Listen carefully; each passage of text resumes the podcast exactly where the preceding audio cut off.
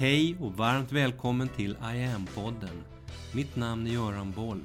Här kommer jag varje vecka att presentera, utveckla tankar kring och polera på en ny facett av denna märkliga, mäktiga ädelsten vi kallar yoga. Min son David som sköter allt det tekniska på I am, han berättade för mig att han kan låsa upp sin ytterdörr nästan oavsett var han befinner sig i världen via sin smartphone. Och nu funderar han på att införskaffa en personlig Google-assistent.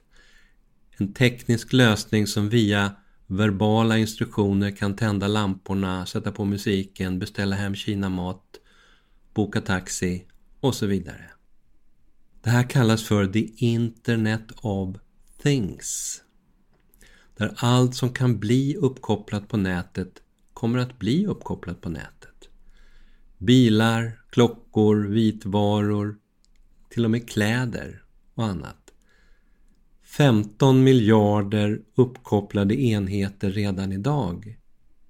Sägs kunna komma att bli minst 75 miljarder uppkopplade enheter till 2025, det vill säga inom bara 3-4 år. Det här är en av följderna av att 5G nu rullar ut över Sverige. Där man räknar med att 99% av befolkningen kommer att ha tillgång till 5G redan under 2023. Den här utvecklingen, oavsett vad man tycker om 5G, den kommer att generera enorma mängder data. Varje delning som görs, varje sökning, alla likes med mera, allting lagras och kan sen läsas av. Oceaner av information om vårt mänskliga beteende. Man kallar det här för Big Data och säger att det här det är den nya oljan med ett gigantiskt värde för de som förstår att pumpa upp den. Det vill säga använda den strategiskt på olika sätt. Idag skapas många triljoner informationsbitar data varje dag. Man säger att 90% 90% av all data som mänskligheten någonsin har skapat den har producerats under de senaste 2-3 åren. En enorm expansion. All den här data processas, hälls in i supersmarta datorer, kodas och genererar i slutändan artificiell intelligens. Och vad är då det för något? Artificiell intelligens eller AI, det är när en maskin har förmåga till människoliknande drag. Typ att kunna resonera, lära sig saker, planera, vara kreativ.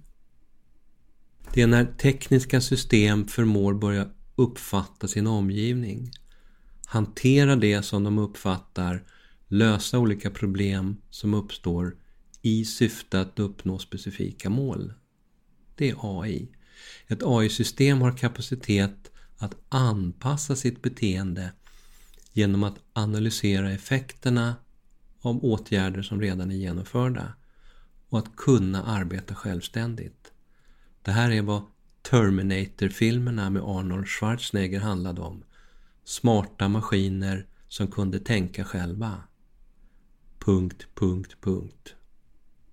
En superdator läser in all den kunskap som exempelvis en specialistläkare fått i sig under hela sin studieperiod, som är 11 år. Plus allt som någonsin har forskats på och skrivits om kring den där läkarens specialistområde. Allt det här, det tar datorn in på en sekund. Och sen kommer datorn dessutom ihåg allt det där.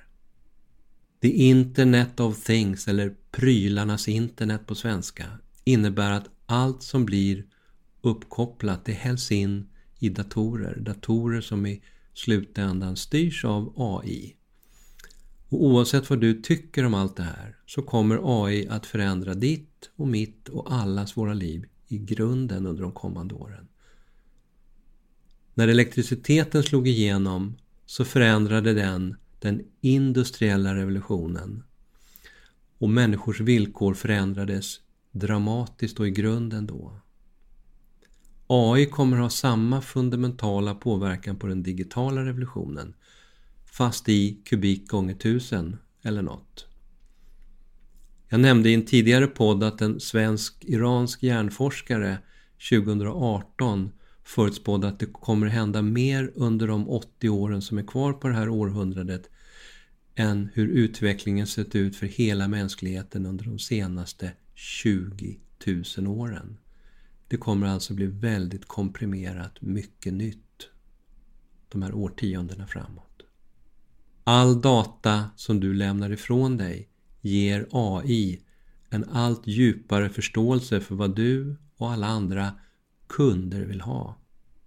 För det är det vi är och allt mer utvecklas till. Kunder.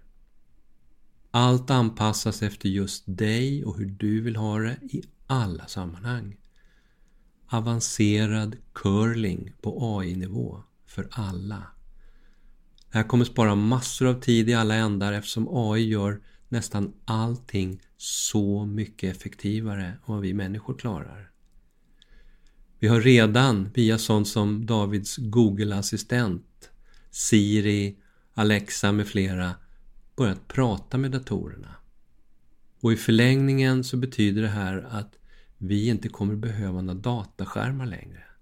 Det kanske bara blir ett inbyggd kontaktlins plus ett chip under huden. När min katt Tao och hans bror Neo var små och kom till oss så chippade vi dem. Veterinären satte in ett pyttelitet chip under huden i nacken så att de skulle kunna identifieras om de skulle springa bort eller något. Sedan ett antal års så görs det här nu också på människor. Kanske inte just för att vi kan springa bort och det sätts inte in i nacken. Nej, människochippen, de är små som riskorn och de placeras under huden mellan tummen och pekfingret. Och intresset för det här ökar i Sverige. Under åren 2017-2018 så tredubblades antalet svenskar som har ett mikrochip i tumvecket. Ett bolag som implanterar chip på människor berättade för SVT 2018 att de hade chippat 3500 personer, bland annat 200 VDR på olika företag över hela landet. Chippen funkar bland annat som passerkort och tanken är att de över tid ska kunna ersätta nycklar, betalkort, kunna användas i hälsosyfte med mera.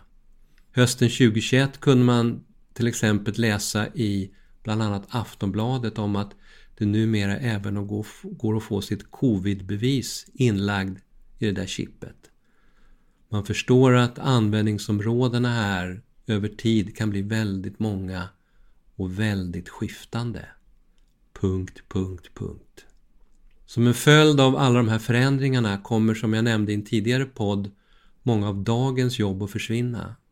Vi ser redan nu personalfria butiker, kundtjänstpersonal, tunnelbane och busschaufförer, taxichaufförer kommer att försvinna.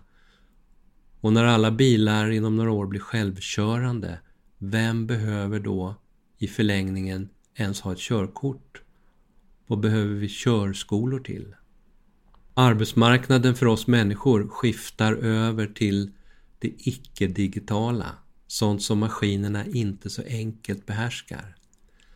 Där blir andra mjukare värden mycket mer intressanta. Dina soft skills blir oerhört viktiga. Så, finns det då några gränser för den här utvecklingen? Och var går i så fall de gränserna? Vem bestämmer hur det ska bli och hur långt det här ska gå? Är det EU? Är det kineserna? USA? Är det du och jag? Kommer världen utvecklas till att bli ett högteknologiskt paradis där vi curlas 24-7 av snygga AI-robotar? Eller blir det mer som en galen människofientlig dystopi från helvetet, typ Terminator?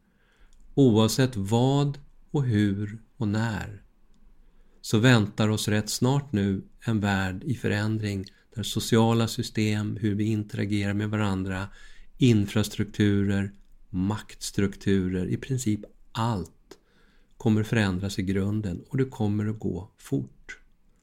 Vad sa vi för en stund sedan? 20 000 års utveckling på 80 år. Punkt, punkt, punkt. Yogan då, har den någon roll att spela i allt det här?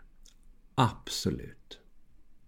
Hur världen än utvecklas så är yoga här för att stanna. Yogans traditionella mångtusenåriga kärna den kommer att förbli orubbad samtidigt som ständigt nya innovativa yogaformer växer fram. Vid sidan av allt annat som många upplever att yogan ger dem så innehåller yogan två väldigt centrala nycklar även för framtiden. I den sköna nya värld som växer fram behöver vi dels sådana yogaverktyg som andnings och avslappningsövningar för att hjälpa oss komma ner i varv, hämta andan, stilla tankarna, ge oss lite mera ro i både kropp och knopp. Framöver kommer också allt fler vända sig direkt till yogans olika rent medvetandehöjande aspekter.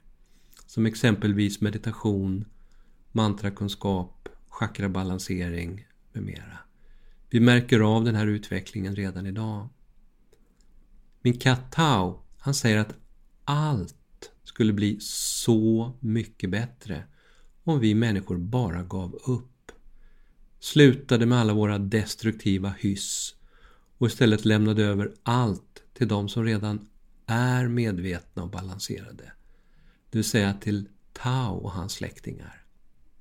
De skulle få ordning på den här planeten på ett par månader. Max, säger Tao. Om jag nu bara, omgående helst, serverar honom en läcker trerättersmåltid så kan han börja omedelbart. Jag kanske chansar. Jag kanske ger honom tre burkar mat nu så får vi se vad han har hunnit med till nästa vecka. Vi hörs! Mitt namn är Göran Boll. Det var jag som skapade Medyoga och grundade Medyoga-institutet.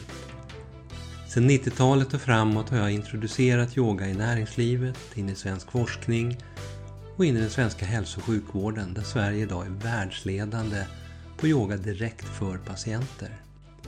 Framtiden för mig handlar om I am. Yoga för medvetenhet och hälsa. Läs mer om kurser, online-träning, utbildningar med mera på hemsidan iamyoga.online.